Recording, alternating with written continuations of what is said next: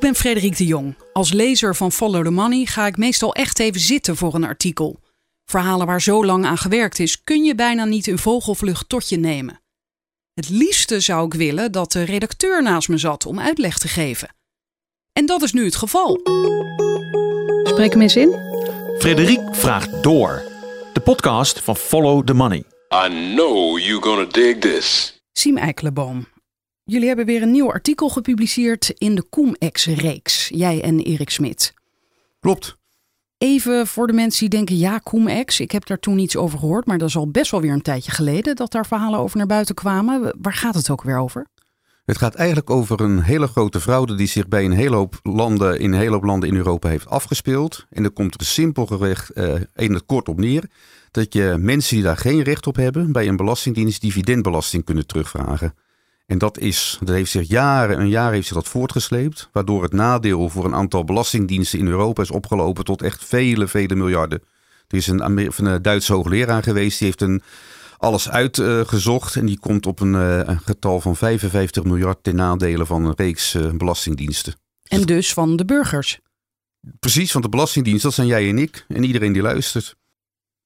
En kan je iets over die truc uitleggen of is dat te ingewikkeld? Dat is vrij ingewikkeld, maar het komt er inderdaad op neer dat jij een structuur moet opzetten, waardoor je wel dividendbelasting kunt uh, terugvragen. Ik zal hem heel simpel bij Nederland. Nederland heeft, het praat inmiddels sinds 15%, maar een tijd terug had Nederland een dividendbelasting van 25%. Hoe zit dat?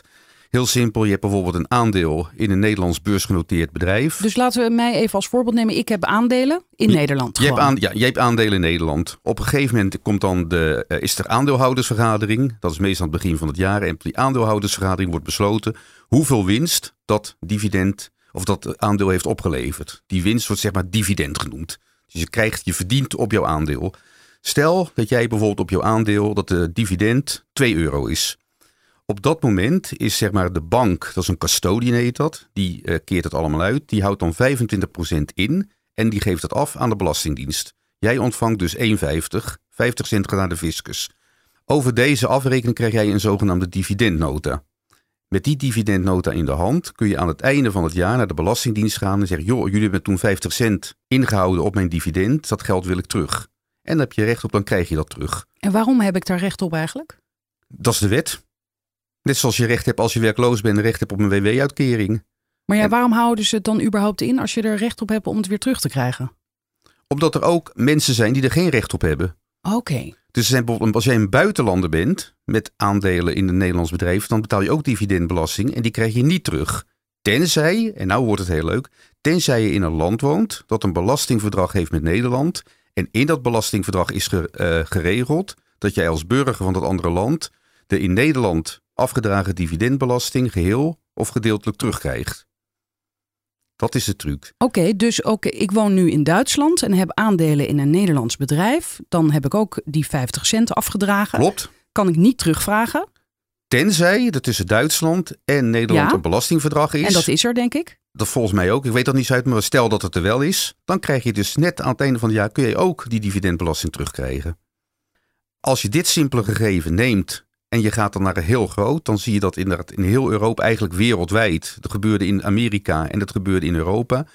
Dan zie je dat handelaren, beurshandelaren, market makers, zoals ze heten, financiële instellingen, hele ingenieuze uh, trucs hebben bedacht om bij belastingdiensten, die dus dividendbelasting inhouden, om daar dividend terug te vragen waar ze eigenlijk geen recht op hebben. En er zijn allemaal trucs. Het gebeurde ook dat dividend werd teruggevraagd terwijl dividend nooit wat af, was afgedragen. Maar het gebeurde ook, waren de trucs, dat dividend wel was afgedragen, maar dat ze twee keer terugvroegen. En de belastingdiensten hadden dit niet in de gaten? Nee. Het klinkt absurd, maar die hadden tot voor kort eigenlijk niet in de gaten. De, het klinkt gek, maar de eerste belastingdienst die dat wel in de gaten had, dat waren de Nederlanders. Hmm. Nederland heeft als eerste, en dat is in 2001, een antidividendstripwet ingevoerd waardoor ze dachten dat het dividendstrip hier onmogelijk zou gaan worden. Is niet helemaal gelukt. Er zijn sindsdien ook nog wel een aantal affaires geweest. Maar het is een feit dat in die Comex-fraude, ik zei het net al, dat er 55 miljard het nadeel is. Nederland eigenlijk behoorlijk goed is weggekomen. Dankzij die wet? Dankzij die wet, toch wel, ja. Oké, okay, en dit artikel in dit dossier heet... De Fiat constateerde al in 2005 wereldwijde miljardenfraude met dividendbelasting. En het eerste wat ik nu dan denk is, jij legt net uit dat er in 2001 die wet kwam, dus toen wisten we het al. Maar de Field constateerde pas in 2005 dat er iets aan de hand was. Wisten zij dat niet eerder dan? Ja, maar toen was de Fiat er nog niet bij betrokken. Oh, Het komt in 1993 was een heel groot eh, schandaal met dividendstrippen in Nederland. En toen werd het fiscaal afgedaan. Dus de Belastingdienst die probeerde toen zelf bij een aantal bedrijven zeg maar, de dividendbelasting die was teruggevorderd weer terug te krijgen. Dat is een hele lange rechtszaak geweest. En die is in 2001 of 2002 uit mijn hoofd. Is die helemaal mislukt tot aan de Hoge Raad toe. De Hoge Raad zei: Ja, dat is allemaal leuk, eh, Belastingdienst. Maar jullie hebben geen poot om op te staan. Toen dacht de staat in Nederland: Jeetje, als de Hoge Raad al zegt dat wij dat geld niet kunnen terugvorderen. Straks kunnen wij door allerlei eh, slimme jongens geplukt worden. Laten wij een wet gaan invoeren. En daarom is in 2001 met terugwerkende kracht. Is toen de anti-dividendstripwet ingevoerd. en kennelijk werd daarna de Field er ook bij betrokken. Ja, want wat er gebeurde ook, de staat dacht dat nu het dividendstrip in Nederland niet meer kon gebeuren. Maar wat gebeurde in 2003? Vonden ze toch weer dat Nederlandse financiële instellingen bij dividendstrippen eh, waren, eh, betrokken waren. En ook in 2004, want toen kwam in de zomer van 2004 door een hele rare rechtszaak werd duidelijk dat Fortis, een afdeling van Fortis, bij dividendstrippen betrokken waren. Toen is de Fiat is ingeschakeld. Want de Fiat is zeg maar, dat is de politie van de Belastingdienst. Hè, die hebben wat meer mogelijkheden. Toen is de Fiat opgedragen om een zogenaamd vooronderzoek te gaan doen. En dat is nog geen echt strafrechtelijk vooronderzoek. Maar dat is eigenlijk een beetje gaan kijken. Joh, zou hier misschien wat aan de hand kunnen zijn? En is dat eventueel strafbaar? En de inleiding begint als volgt. Eind 2005 was de Field, de Fiscale Opsporingsdienst, al terdege op de hoogte dat een divisie van Fortis zich bezighield met dividendstrippen. Deze handel in aandelen met dividend heeft de belastingdiensten in een reeks landen ernstig gedupeerd. De schade beloopt in de miljarden euro's. De Fiat deelde deze informatie echter niet met zusterdiensten in het buitenland, die daardoor onwetend bleven van het feit dat ook hun systemen gevoelig waren voor deze fraude. Pas in 2013 brak het Cum-Ex-schandaal in Duitsland uit. Mei 2006. Op het ministerie van Financiën aan het Korte Voorhout in Den Haag druppelen deze lentedag zo'n 20 belastingambtenaren een zaaltje binnen. Allemaal managers en specialisten op het gebied van dividendbelasting. Op de agenda een presentatie over een grootschalige dividendfraude. De presentatie wordt gegeven door een medewerker van de FIOD, de Fiscale Inlichting en Opsporingsdienst van de Belastingdienst. Leden van het team Account uit Amsterdam en het team Opsporingsinformatie uit Utrecht hebben een PowerPoint-presentatie voorbereid met de titel Global Dividend Tax Fraud Investigation. De presentatie bestaat uit acht slides. Dezelfde presentatie is op 19 december 2005 alles gegeven voor rechercheurs van de Field zelf in het bijzijn van een paar collega's van de Belastingdienst. Zij vonden de presentatie zo interessant dat ze de Field-rechercheur vroegen die voor het ministerie te herhalen. De eerste slides bevatten voor de specialisten in de zaal weinig nieuws. De Field-medewerker legt uit hoe dividendbelasting werkt. Een beursgenoteerd bedrijf betaalt dividenden uit aan zijn aandeelhouders. Die uitbetaling verloopt via een zogeheten custodian bank, die meteen 25% belasting over het dividend inhoudt en aan de fiscus afdraagt. De bank maakt ook een dividendnota op. Met deze nota kunnen Nederlandse aandeelhouders bij de Belastingdienst de betaalde dividendbelasting terugvragen. Voor buitenlandse aandeelhouders ligt het anders. Zij kunnen die belasting alleen terugvorderen wanneer hun overheid via een belastingverdrag met Nederland heeft geregeld dat haar burgers de hier afgedragen dividendbelasting geheel of gedeeltelijk kunnen terugvragen. Aandeelhouders uit landen zonder zo'n belastingverdrag hebben pech. Zij kunnen in Nederland geen cent terugvragen. Tot zover weinig nieuws. Maar dan vertelt de Fiat-medewerker de belastingambtenaren over het vooronderzoek dat zijn dienst heeft gedaan naar het reilen en zeilen van de afdeling Global Securities Landing and Arbitrage, GSLA, van Fortis Bank. Die afdeling was in de zomer van 2005 uitgebreid in het nieuws geweest. Op 2 juli hadden het Financiële Dagblad en de Telegraaf bericht dat twee GSLA-directeuren in een rechtszaak 10 miljoen euro schadevergoeding eisten van een man die intern over hun handelswijze aan de bel had getrokken. Het ging om bankier Stefan Stansiu, een Fransman met Roemeense wortels.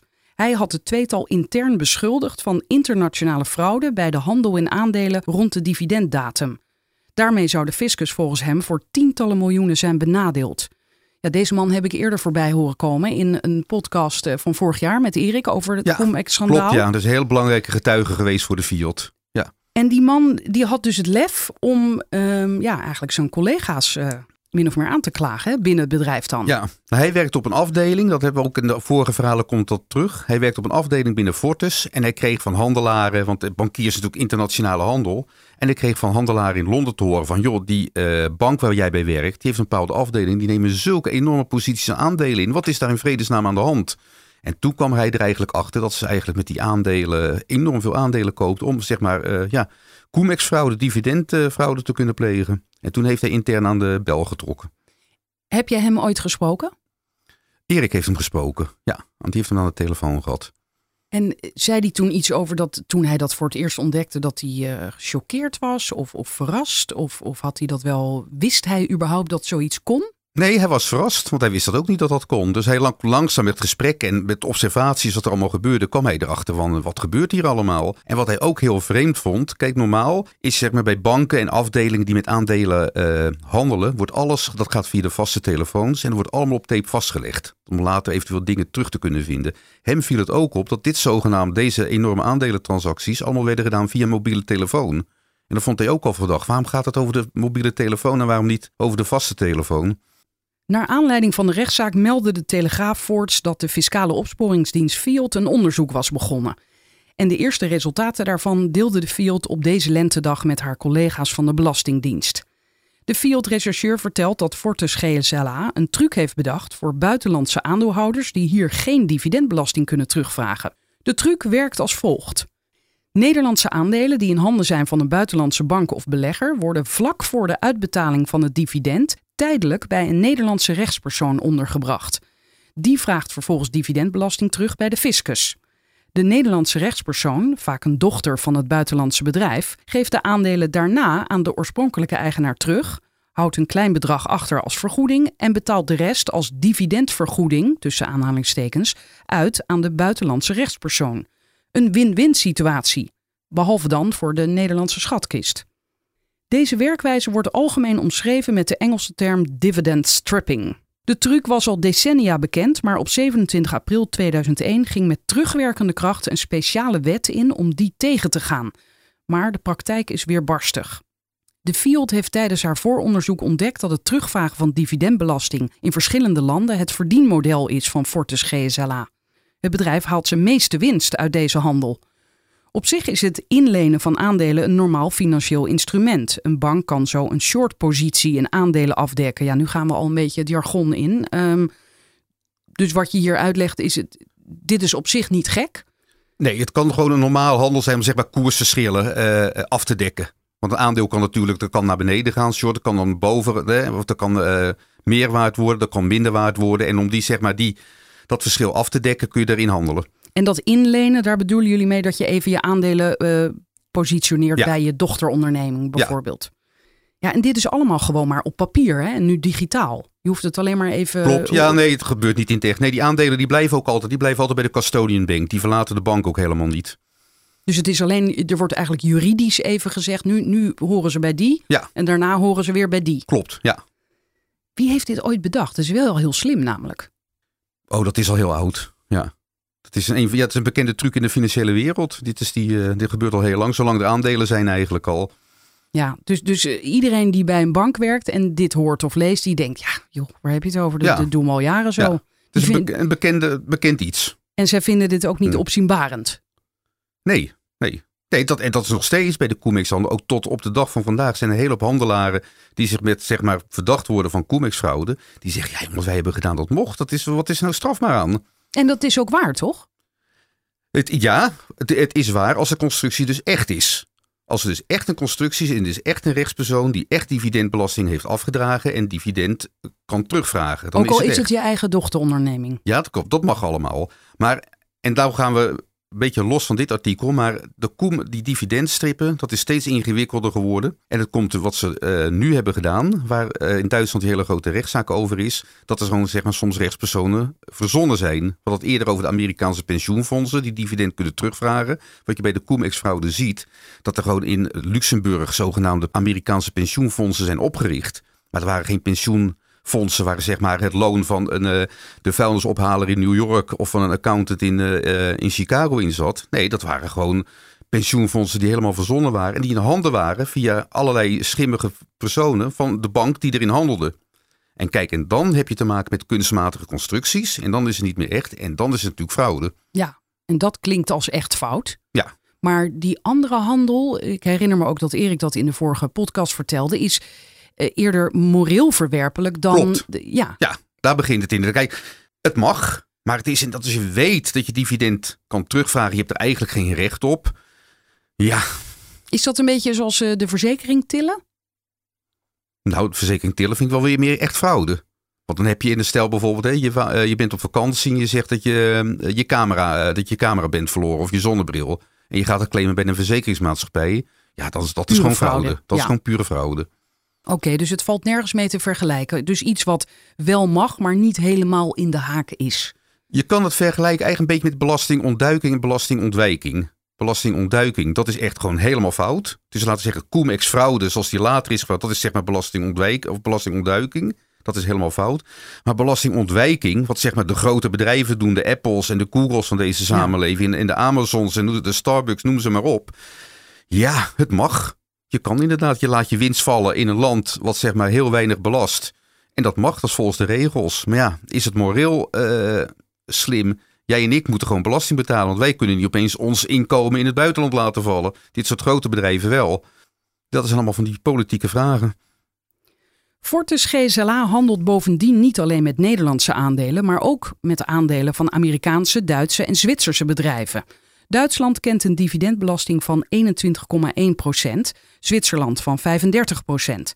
De Verenigde Staten hebben in 2005 een dividend tax van 30 procent, die alleen kan worden teruggevraagd door inwoners van de VS. En wat doet Fortis GSLA? Dat leent van niet-Amerikaanse partijen aandelen waarop die tax van 30% rust en leent ze door aan een Amerikaans pensioenfonds dat het volle ingehouden bedrag bij de Amerikaanse Belastingdienst kan terugvragen. Vervolgens betaalt dit pensioenfonds 99% bruto dividend als dividend compensation aan Fortis GSLA. Dat houdt voor zichzelf ook weer een vergoeding in en betaalt het resterende bedrag uit aan de oorspronkelijke eigenaar van de aandelen. Bij grote partijen aandelen kan deze handel zeer lucratief zijn. Het is een miljoenenbusiness voor alle betrokken partijen. En de Amerikaanse fiscus is de grote verliezer. Als ik even mag onderbreken. Ik noem, wij noemden net het voorbeeld dat jij één aandeel hebt gekocht hè, van 2 euro. Dat je 50% moet gaan afdragen. Maar als je duizenden aandelen koopt, of zelfs miljoenen aandelen. Ja, dan kunnen we gewoon nagaan over wat voor bedragen we praten. En dan snap je ook dat uiteindelijk eh, de Europese belastingdiensten voor een bedrag van misschien wel 55 miljard zijn benadeeld. Ja, ongelooflijk. 55 miljard. Ja, Dat geldt ook voor de Duitse en Zwitserse belastingdiensten, ontdekte de Field. Zij hebben last van een verschijnsel dat double dipping heet, waarbij dividendbelasting tweemaal wordt teruggevraagd. Eén keer terecht en de tweede keer onrechtmatig. De truc is als volgt: kort na elkaar worden twee dividendnota's opgemaakt. Door de eerste nota niet in te trekken, kan tweemaal dividendbelasting worden teruggevraagd. De Duitse en Zwitserse belastingdiensten hebben dat niet in de gaten. Hun systemen zien niet dat ze in feite tweemaal belasting teruggeven, die maar één keer is ingehouden. Ja, ik neem het eh, van jullie aan, maar het is toch bizar dat zij dat niet zagen? Het klopt, nee. En het gekke is, Duitsland is er in 2000, moet even mijn hoofd zeggen, in 2009 al een keer op gewezen. Toen is de wet aangepast. En toen is het ook nog steeds doorgegaan. En toen kreeg je ook de rare verschijnsel. Die wet is toen aangepast. Naar aanleiding van een tekst die geschreven toen was door de, zeg maar, de financiële sector in Duitsland zelf. Oh, Dus je hebt toen een wettekst geschreven. Die is bijna helemaal overgenomen door het parlement. En die wist natuurlijk donders goed zeg maar, waar de gaten in die wet zaten. maar denk je dan dat ja, in het algemeen gesproken bij de belastingdiensten mensen zich niet konden of kunnen voorstellen dat dat, dat op zo'n schaal plaatsvond? Of dat die trucs zo smerig waren? Ja, het, het heeft plaats. Ik, ik, verbaas me ook iedere keer weer over. Want in Nederland is het dus, hebben we gezien, er zijn er wel degelijk maatregelen genomen. En Nederland is ook wel de dupe geworden van dividendstripping. Maar dus lang niet in die mate als bijvoorbeeld Duitsland, België, Denemarken. Die landen zijn echt fors gedupeerd. En ik denk dat dat ook te maken heeft met. eh, er is natuurlijk, zeker de laatste jaren, is de Nederlandse Belastingdienst slecht in het nieuws. Hè? Achterstallig onderhoud, eh, mensen zijn eruit gegaan. Maar ik denk dat begin van deze eeuw de Nederlandse Belastingdienst echt tot de, een van de allerbeste, misschien wel de beste belastingdienst ter wereld behoorde. Daar werkten mensen die ontzettend goed waren. Ze waren redelijk up-to-date. Dus ik denk dat Nederland dat redelijk slim gezien heeft. De Fiat-rechercheur vertelt zijn collega's van de Belastingdienst dat de opsporingsdienst vormen van dividend stripping in zes landen is tegengekomen. Op de slide zijn op Nederland na de namen van deze landen weggelakt. Maar uit de presentatie is op te maken dat in elk geval de Verenigde Staten, Duitsland en Zwitserland de dupe zijn. Meer informatie zal uit een full-skill strafrechtelijk onderzoek moeten komen, houdt de Fiat-ambtenaar zijn collega's voor. Op de laatste slide van de presentatie staat dat de Fiat vermoedt dat wereldwijd, zo omvangrijk is fraude blijkbaar, het nadeel van dividend stripping enkele miljarden euro's bedraagt. Hoe zijn jullie eigenlijk aan deze PowerPoint-presentatie gekomen? Of is dat geheim? Nee, dat is geen geheim. Dat staat ook in een, uh, een plusje, zoals het heet in het verhaal. Dat moet je aanklikken. Ja. Uh, wij hebben een beroep gedaan op de wet openbaarheid bestuur. En dit is een eerste lading documenten die wij gekregen hebben. Oh, vandaar die weggelakte landen. Klopt. Want er ja. worden altijd dingen weggelakt hè, Ja. bij WOP-verzoeken. Klopt, ja. En zeker bij Belastingdienst als artikel 67. Dat betekent dat ze over individuele belastingplichtigen helemaal niks kunnen zeggen. Dus ook de- die afdeling van Fortisbank, die is in deze presentatie weggelakt. Alleen wisten wij op grond van de berichtgeving, dat kon niet anders zijn dan Fortis. Maar een paar landen staan er dus wel gewoon in en een paar landen niet. Waarom zou dat dan zijn? Nou, nee, Nederland staat wel. Alle namen van landen die zijn weggelakt, want dat hoort volgens de wet. Maar die presentatie, we hebben net voorgelezen, blijkt dat er inderdaad dat dividendstripping plaatsvindt in de Verenigde Staten en de double dipping in Duitsland en Zwitserland. Dat staat gewoon openlijk Dat in staat openlijk. Ja, dat staat ja, ja. openlijk in die site. Dus dan weet je, dat is natuurlijk één en één bij elkaar op, dat de Verenigde Staten, Duitsland en Zwitserland tot die zes landen behoren. Aha, ja. En je hebt ook wel enig idee welke andere landen daar genoemd worden of niet? Het zal me niet verbazen als Denemarken ertussen staat. Want Om Denemarken later ook enorm gedupeerd is. Na deze presentatie in mei 2006 wordt het stil. Tot een grootschalig strafrechtelijk onderzoek naar Fortis GSLA komt het niet. Bronnen die bekend zijn met Fiat-onderzoeken zeggen dat dit erop kan wijzen dat de Fiat fiscale trucs heeft blootgelegd die weliswaar moreel discutabel zijn, maar waarbij de dader strafrechtelijk gezien weinig kan worden verweten. En als er al sprake is van strafrechtelijk verwijtbare gedragingen, dan hebben die voor het merendeel plaatsgevonden in de VS, Duitsland en Zwitserland. Landen waar de Fiat en het Nederlandse Openbare Ministerie niets te vertellen hebben. Maar het afbreken van het onderzoek kan ook te maken hebben met het feit dat de bazen van Fortis GSLA, Frank Vogel en Olaf Efraim, inmiddels zijn ontslagen. Al had dat volgens een woordvoerder niets met het Fiat-onderzoek te maken. In de Telegraaf meldt Fortis dat de twee zijn weggestuurd omdat ze niet aan een reorganisatie wilden meewerken. Ja, aan de reorganisatie van hun eigen ontslag? Nee, reorganisatie van de, de eigen Ja. afdeling. Ja, nee, maar dit klinkt natuurlijk als. eh, we kwamen er samen niet uit.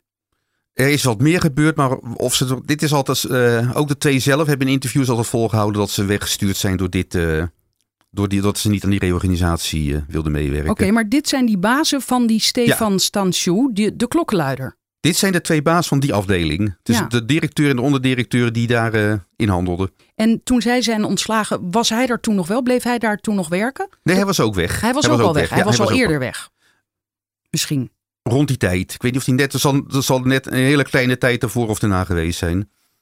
FTM schreef al eerder over de rol van de zeer winstgevende Fortis-dochter, die in 2005 onder leiding stond van Frank Vogel. Deze Amsterdammer verdiende aan salaris en bonussen in dat jaar 4,5 miljoen euro en zijn mededirecteur Olaf Efraim 2,4 miljoen euro. Daarmee behoorden zij tot de best verdienende werknemers van Fortis. Vogels inkomen lag zelfs beduidend hoger dan dat van Fortis-topman Jean-Paul Vautron.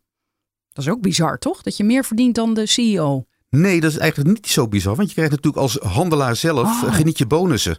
Dus het zal salaris maar x bedrag zijn geweest. Maar aan bonussen, die jongens verdienden zo verschrikkelijk veel geld. Dus die haalden natuurlijk enorm veel geld aan bonussen binnen. En dan zal de directeur aan bonus meer hebben verdiend dan zijn onderdirecteuren.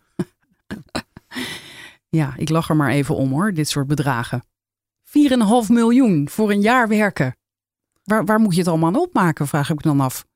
Daar schijnen ze toch wel goed in te zijn. Ja, daar schijnen ze toch wel goed in te zijn. Na de eerste interne presentatie op het Fiat-kantoor aan de Bernadottelaan in Utrecht heeft de Fiat nieuwe, belastende informatie over Fortis GSLA gekregen. Stefan Stanciu, die het dividendstrippen bij Fortis intern aan de kaak stelde, is door de bank ontslagen. Op uitnodiging van de Fiat vertelt Stanciu begin 2006 de onderzoekers in geuren en kleuren hoe Fortis GSLA miljoenen verdiende met het strippen van met name Duitse en Zwitserse aandelen. Dus hij is ontslagen, is toen gaan praten met de Fiat. Heeft hij daarna nog eh, ander werk gevonden? Hij werkt inmiddels weer in Roemenië. Hij is naar het buitenland eh, vertrokken. En hij Hmm. werkt voor zover wij weten in eh, Roemenië. Oké. Stanciu was in 2002 bij Fortis GSLA komen werken als Senior Equity Derivatives Trader. Via zijn internationale netwerk ving Stanciu zorgelijke geluiden op. Vrienden die in Londen bij grote banken werkten, ja, dit zei je net, vroegen hem naar die enorme posities die zijn relatief kleine afdeling opbouwden met het lenen van aandelen. Zij wilden weten waarom Fortis bereid was daarvoor prijzen te betalen die boven het marktniveau lagen. Stancion merkte dat zijn baas, Frank Vogel, in een tijdsbestek van enkele dagen miljoenen winsten voor de bank wist te boeken en begon een eigen onderzoek. Al snel viel hem op dat de handelaren bij het opzetten van deze risicoloze transacties de vaste telefoonlijnen van de bank meden.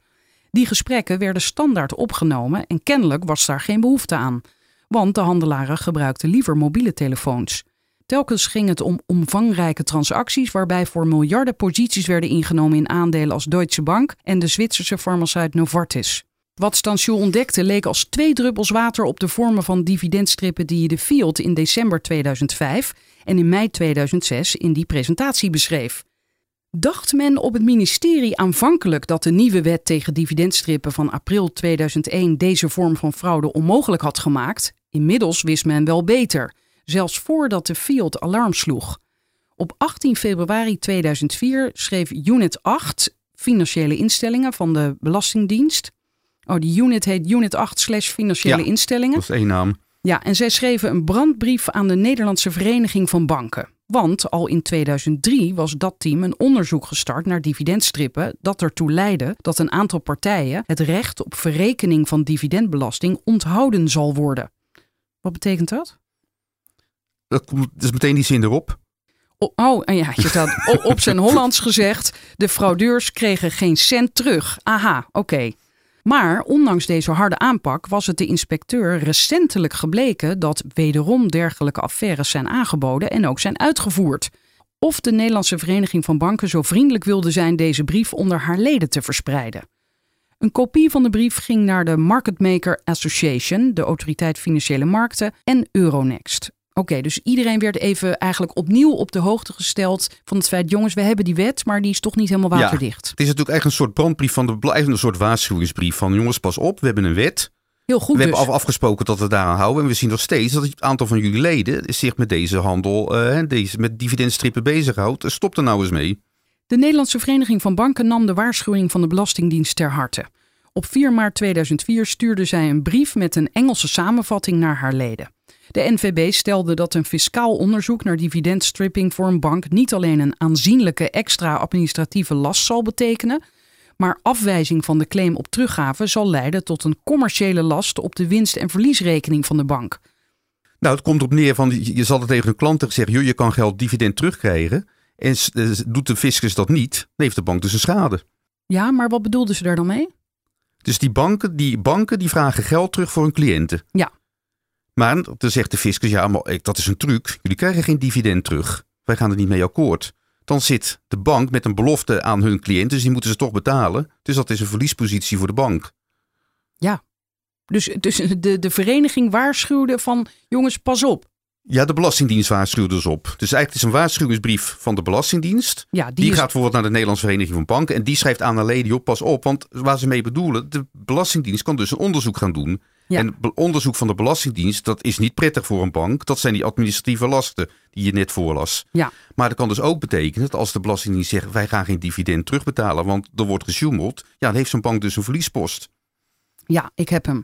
En dan staat hier tot slot waarschuwde de Nederlandse Vereniging van Banken, afgezien van het financiële risico, speelt het risico van reputatieverlies.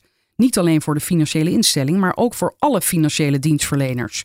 Ja, dus als jij het als enige bank nog wel blijft doen, dan schaadt je ook mogelijk het imago van andere banken. Ja, en als je in de publiciteit komt, ik vind het wel, dit vind ik wel een heel leuk citaat eigenlijk. Dit is dus ruim voor de, de crisis, hè? En in, op die, in die jaren hadden eigenlijk banken nog een hele goede reputatie. Maar kennelijk waren ze dus in 2004, was het reputatieverlies dus ook al een risico. Ja, daar zaten ze dus bovenop. Dat Ja, is heel goed. ja. Opmerkelijk. Maar nou ja, goed, later komen we erachter of dit nou ter harte is genomen. Want ze zeggen er nog bij: het is daarom van groot belang te voorkomen dat vanwege korte termijn gewin aan de gevraagde transacties wordt deelgenomen. Aan het slot van de brief riep de NVB haar leden actief op hun deskundigheid in te zetten om dividendstrippen met aandelen te voorkomen. De oproep van de fiscus, de brandbrief van de NVB en het strafrechtelijk vooronderzoek maken weinig indruk op Fortis GSLA. A.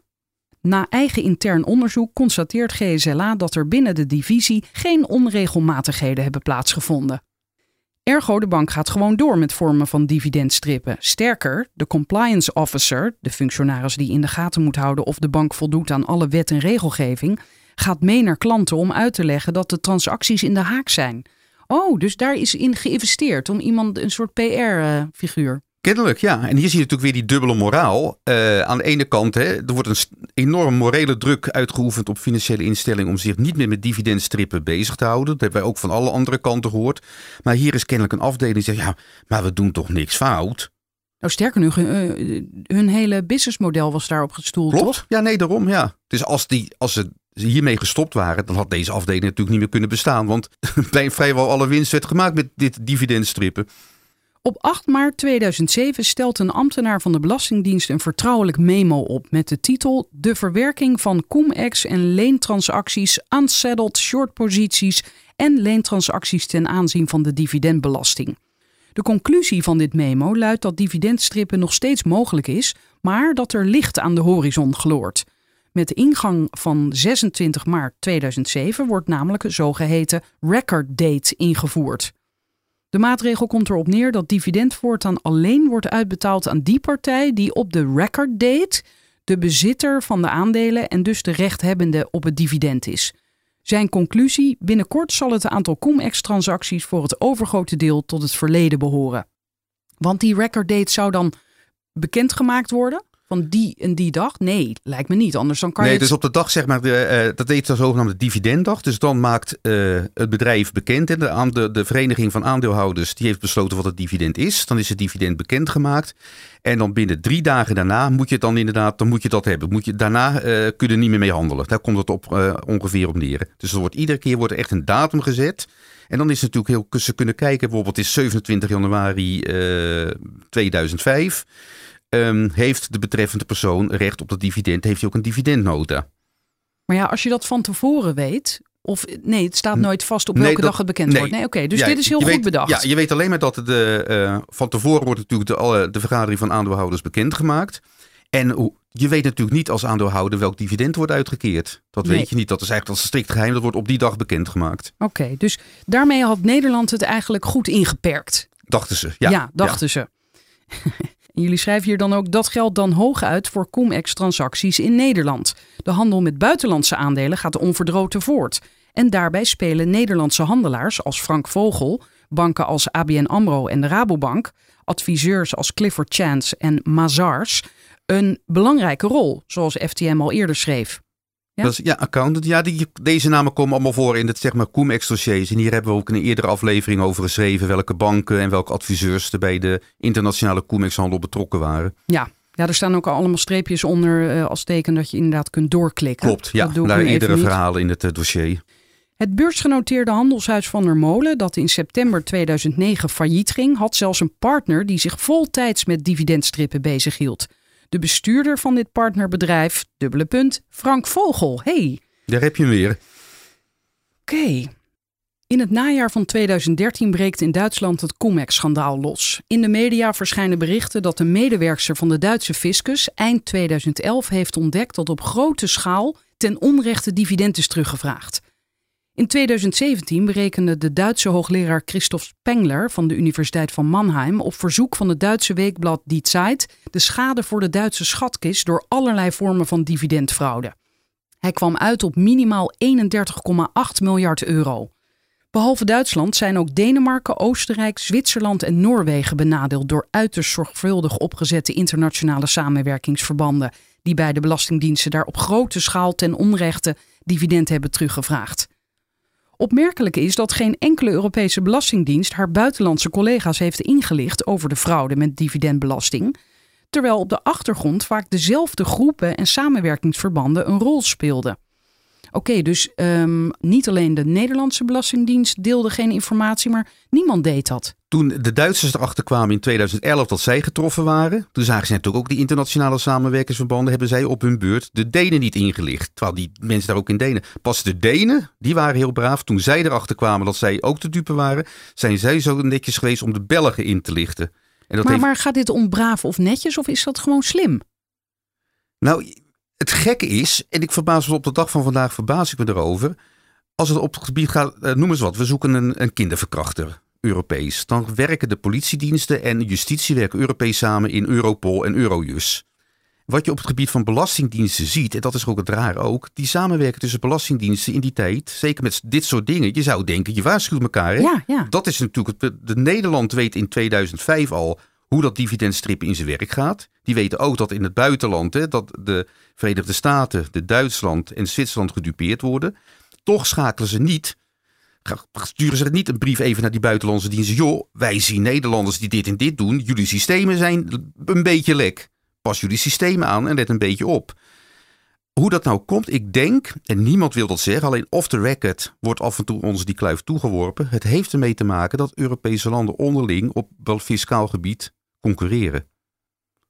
Ja? Oh ja, natuurlijk om bedrijven te lokken. Precies.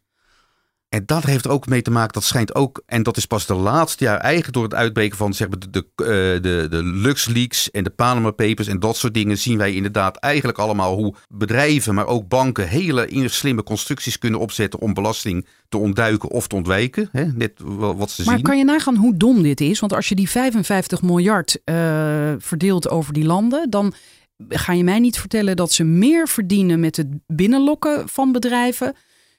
Of nou ja, ze, ze zijn dus meer kwijt aan dit schandaal dan dat ze verdienen met het lokken van bedrijven. Wat ze doen door niks te vertellen aan andere landen. Kan je Ik- mij nog volgen? Ja, ik denk dat je de spijker op de kop slaat.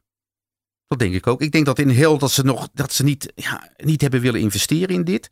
En omgerekend, stel als die 55 miljard, als je dat wel had neem, hoeveel prachtig hoge snelheidslijnen hadden we daar in Europa mee kunnen aanleggen? Ja, bijvoorbeeld. Bijvoorbeeld. Of hoeveel aan zorg hadden we kunnen, of hoeveel aan eh, eh, inventieve techcampussen hadden we daarmee kunnen oprichten. We hadden er prachtig werk mee kunnen doen.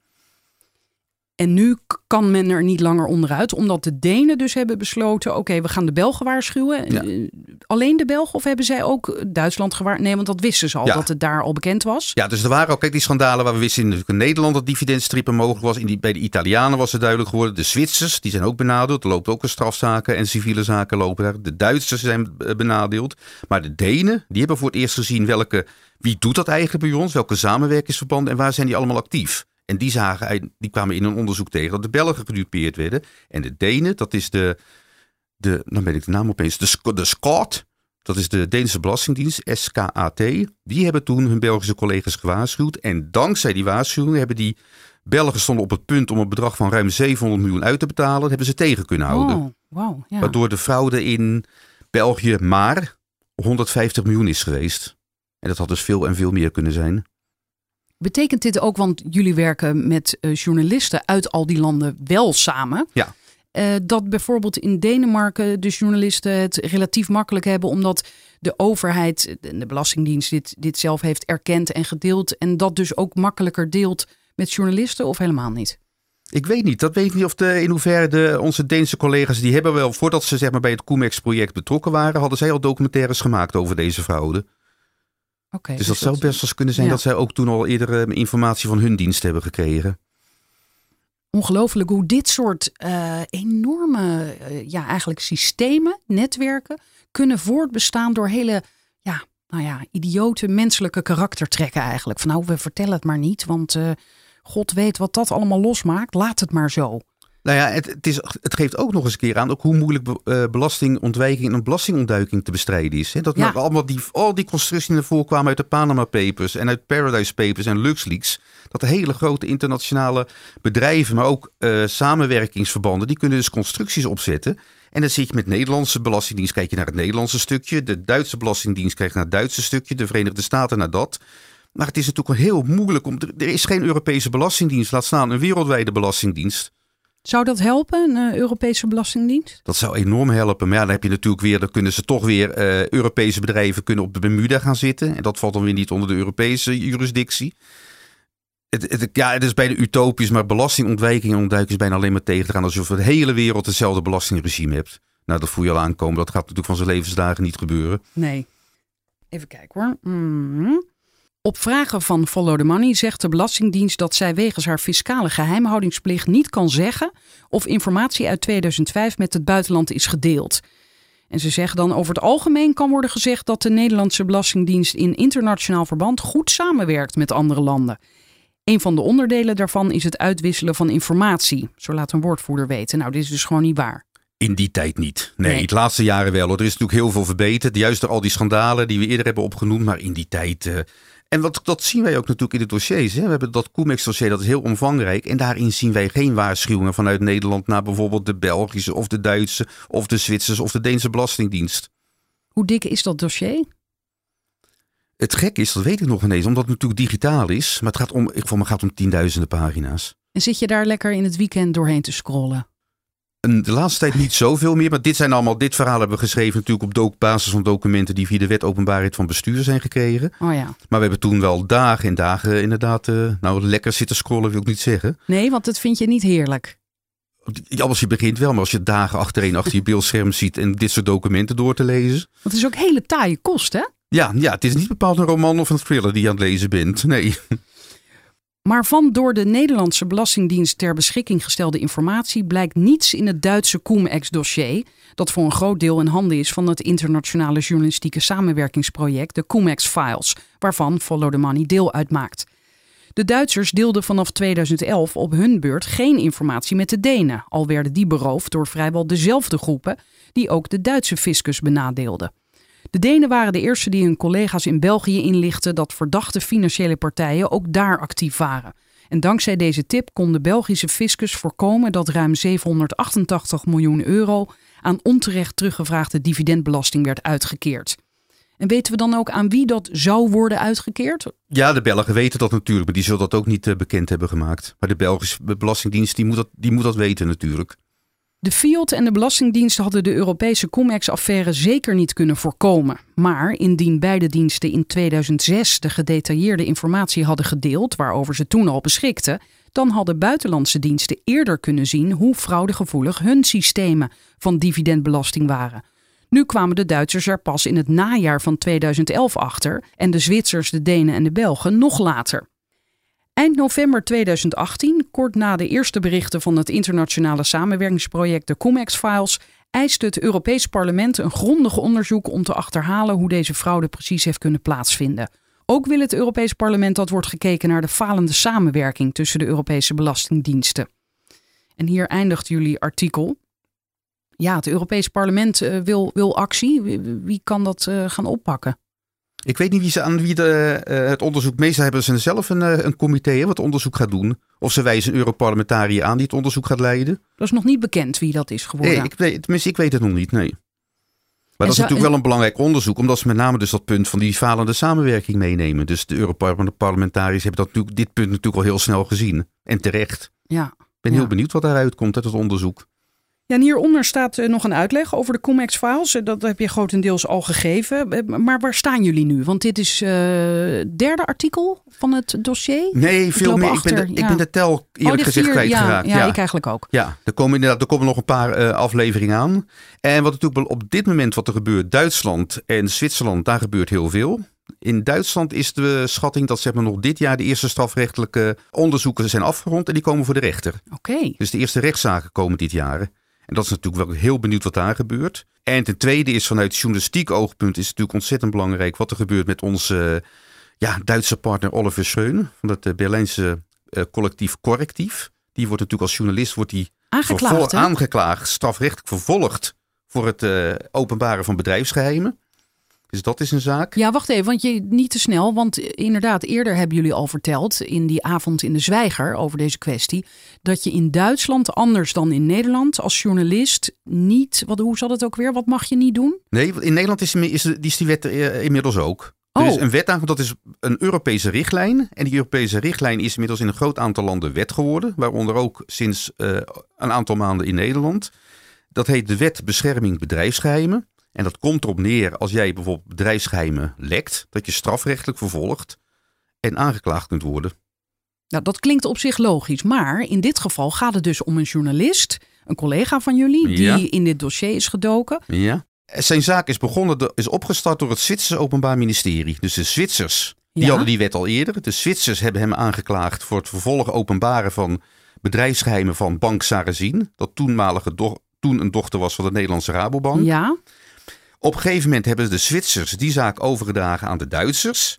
Toen dacht onze collega, nou dat zal allemaal wel meevallen, want die Duitsers die doen dat niet. Maar toen is daar die nieuwe wet ook al aangenomen. En tot zijn grote verrassing is die vervolg, kwamen Duitse regisseurs naar hem toe. En kreeg hij ook in te horen, joh, je bent officieel aangeklaagd. En hij kreeg een heel groot dossier eh, thuisgestuurd. dit is echt heel scary. Want, want heel simpel gezegd is dit, eh, oké, er zijn banken die dingen fout doen. Een journalist onthult dat en hij wordt aangeklaagd. Ja, Dit is echt shooting the messenger. klopt. Maar dat kan dus omdat er die Europese notabene richtlijn is gekomen. Ja, en die inderdaad in een aantal landen al geïmplanteerd is in de nationale wetgeving. Dus ook in Nederland. Dus het strikt genomen is het, stel bijvoorbeeld dat eh, ik van een klokkenluider binnen een bedrijf, groot Nederlands bedrijf, krijg ik documenten in handen. Ik ga die documenten openbaren op de website van Follow the Money. Ik ga er ook over schrijven. Dan is het in principe mogelijk dat ik vervolgd zou kunnen worden. Nu is er wel in de Nederlandse wet is er een soort zinnetje in opgenomen dat onderzoeksjournalisten en ook vakbondslieden, dat die inderdaad een beetje beschermd zijn. Dat mag ik hopen, ja. Maar het is, die bescherming staat ook niet keihard zwart op wit in die wet. Dus er hoeft maar een slimme advocaat te zijn. En die kan je al heel moeilijk maken. En die kan bijvoorbeeld zeggen, nou ja, ik ga die jongen, die journalist ga ik toch aanklagen. En ik ga een beslag leggen op zijn huis. Nou, dan moet je dus gaan procederen. En dan moet je maar hopen dat de rechtbank eh, zegt, ja, zo duidelijk is die wet niet. Ik haal dat beslag er weer vanaf. En meneer, gaat u maar eh, tegen andere mensen procederen in plaats van tegen die journalist. Is dit nou eh, een, een, weer een voorbeeld van de persvrijheid die meer en meer onder druk komt te staan, ook in Europa? Vind ik, ja, dat vind ik van wel. Ja, Ja. Het is, een zekere logica zit erin, in die wet. Ik kan me voorstellen, noem eens wat, je bent een bedrijf en je hebt bijvoorbeeld miljoenen geïnvesteerd in een nieuw product. En opeens, dat- product dat is klaar, dat wordt ontwikkeld, dat moet in productie worden genomen. Opeens gaat een werknemer van jou met al die bedrijfsgeheimen naar een concurrent. Ja, En die krijgen bijvoorbeeld. Dus een zekere logica zit er ook wel in. Maar het is natuurlijk ook niet gek om te bedenken dat die hele wet ook misbruikt kan worden als bedrijven gaan optreden tegen bijvoorbeeld klokkenluiders. Nou, Ja. noem eens wat klokkenluiders die onthullen bijvoorbeeld dat eh, diesel, dat de dieselsoftware niet, eh, niet deugt. Die zouden ook als lekkers gezien kunnen Ja, worden. zeker. Die kunnen onder die lek. Ja, want dat is een bedrijfsgeheim natuurlijk. Of noem eens eh, in de farma- farmacie. Dat er een farmaceut is die een medicijn heeft ontwikkeld. En dat, dat medicijn is niet helemaal goed getest. En er zijn zelfs indicaties van als jij dat slikt, dat je dat gruwelijke bijwerkingen kan hebben. Als zo iemand dat lekt naar een journalist, dan kan die lekker vervolgd worden. En die journalist ook wel. En hoe kijkt deze eh, Olivier, heet hij? Oliver Sch- Schreum. Ja, hoe Ja. kijkt hij tegen deze zaak aan? I- Is hij inderdaad, eh, heeft hij er vertrouwen in dat hij... eh, Nou, niet helemaal. We hebben Nee. een interview, dat is ook op onze website te vinden. Dat is mensen, als je gaat naar het Comex dossier, dan kun je een interview met hem vinden. Hij was natuurlijk al echt überhaupt al verbijsterd dat hij in Zwitserland vervolgd werd. Dan kun je nog zeggen, nou ja, ik zorg ervoor, en dat deed hij al. Hij zorgde ervoor dat hij niet, als hij op reis ging, dat hij niet zelfs niet met een vliegtuig boven Zwitserland vloog. Want je weet me niet. Maar, maar ja, als de Duitsers, zijn eigen land waar hij woont, als de Duitse justitie het ook gaat overnemen, ja, dan wordt het natuurlijk wel een heel moeilijk verhaal. Stel nou dat hij veroordeeld wordt en de bak in moet, dat, dat zou dus kunnen. Dat, ja, dat zou kunnen, als de rechter hiermee maar dan staat gaat. dit, eh, dat is dus heel lullig voor hem, maar dan staat dat hele project niet opeens stil, toch? Nee, nee, het project dat gaat gewoon door. Want iedereen is, zeg maar, we zijn met een groot aantal journalisten en wij hebben de toegang nog steeds tot de, eh, tot de website. Dus dat project dat gaat gewoon door. Maar goed, jullie zouden dan dus ook aangeklaagd kunnen worden. Theoretisch zou dat kunnen, ja. ja. Nou ja, niet alleen theoretisch. Het, ja, het zou kunnen. In de memorie van toelichting is in de Nederlandse wettekst is opgenomen dat een aantal categorieën dat die er niet onder vallen. Onderzoeksjournalisten, vakbondslieden. En even uit mijn hoofd is er nog een categorie. Maar het staat niet zo 1, 2, 3 in de wet. Ja. Dus er kan straks inderdaad een advocaat die kan toch altijd ja, slim doen en proberen. Kijk, en al is het alleen maar dat je vervolgd wordt of dat je aangeklaagd wordt. Dat is natuurlijk al onprettig en dat is natuurlijk al een zwaar wapen in handen van de industrie. Want geen enkele journalist vindt het leuk om aangeklaagd te worden. Nee, nee, nee. Oké, nou ja, de- hier moeten we dus van afwachten hoe zijn zaken afloopt. Ja, En ehm, er komen dus nog, eh, er komt nog een hele reeks artikelen. En jullie zijn ook bezig met een documentaire. Ja, ook dat nog. Of het één documentaire Ook dat wordt, ook dat, of het een documentaire wordt, of dat ze allemaal opgeknipt wordt in kleinere filmpjes. Maar we zijn, daar, we zijn daarmee bezig inderdaad. Het wordt allemaal vastgelegd, alle stappen in dit hele proces. Ja. En jij, jij zei net, ja, goed dat het Europees Parlement uh, actie wil ondernemen. Maar eh, zijn er nog andere opties? Ik bedoel, wat zou er in jouw ogen allemaal hier aan moeten gebeuren? Nou, de eerste is natuurlijk die internationale samenwerking tussen belastingdiensten. Die moet natuurlijk veel en veel beter worden. Ik denk dat echt belastingdiensten bij elkaar moeten gaan zitten om te kijken. Want we krijgen nu weer te horen, dat ze hebben ook een beetje de Duitsers al laten zien in een documentaire, dat Cum-Ex, dat er weer, en zeg maar, waar we over praten bij Fortis, is dat is zeg maar dividendstrippen 1.0. Dan krijg je 2.0, dat hele ingewikkelde was al 3.0, maar tegenwoordig zijn ze al met 4.0 en 5.0 bezig. Dus het is nog ingewikkelder geworden en dividendstrippen schijnt nog steeds plaats te vinden. Hmm. En dat is natuurlijk heel belangrijk dat belastingdiensten weten hoe zit die vorm van dividendstrippen in elkaar dat ze echt heel goed gaan samenwerken. Maar ik denk dat de beste manier natuurlijk is om dat echt niet alleen belastingdiensten onderling, maar ook justitie uh, breed op te pakken binnen Europa. Dus al die diensten die moeten met elkaar gaan samenwerken. Eigenlijk zou er ook binnen Europa een heel strafrechtelijk onderzoek moeten komen naar al die vormen van dividendstrippen. En ik, tot, tot, tot op dit moment weten we niet dat bijvoorbeeld een strafrechtelijk onderzoek in Nederland tegen mensen loopt. Dat is trouwens niet helemaal wat ik zeg. Er lopen in Nederland twee strafrechtelijke onderzoeken. Maar dat gaat naar Nederlanders die inderdaad uh, zich schuldig hebben gemaakt aan dividendstrippen met buitenlandse aandelen. Bij Bank X. Een eentje, dat, wat die hebben in de pers gestaan, dat is een voormalige procuratiehouder van ABN AMRO. Die heeft volgens het bank zich op eigen houtje heeft die gehandeld met uh, buitenlandse aandelen. En daardoor aan dividendstrippen behoorlijk wat geld verdiend. En een ander dat is een bedrijf in Utrecht, wat zich ook bezig uh, heeft gehouden met dividendstrippen, met uh, buitenlandse aandelen. En daar lopen dus zaken tegen? Daar lopen op dit moment twee strafrechtelijke zaken tegen. En de verwachting is dat er mogelijk een van die twee dit jaar nog voor de rechter komt. En daar zullen wij dan als Volle de Money ook Uiteraard. aandacht aan gaan besteden. Ja, oké. Dankjewel Siem. Graag gedaan. Graag gedaan, Frederik. ja, je valt opeens helemaal stil. Wil je weten wanneer een nieuwe aflevering online staat? Schrijf je in voor mijn nieuwsbrief. Die vind je bij ftm.nl/slash Frederik.